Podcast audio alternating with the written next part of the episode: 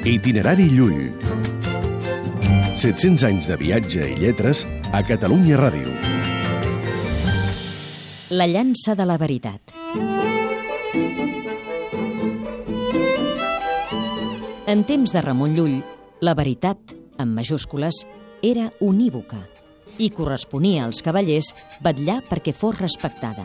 La llança és donada al cavaller per significar la veritat, perquè la veritat és una cosa dreta i que no es torça, i la veritat va davant de la falsedat. I la punta de ferro de la llança significa la força que la veritat té sobre la falsedat.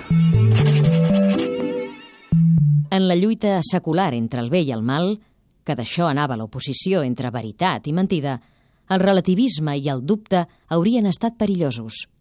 Els cavallers no se'ls podien permetre. Itinerari Llull.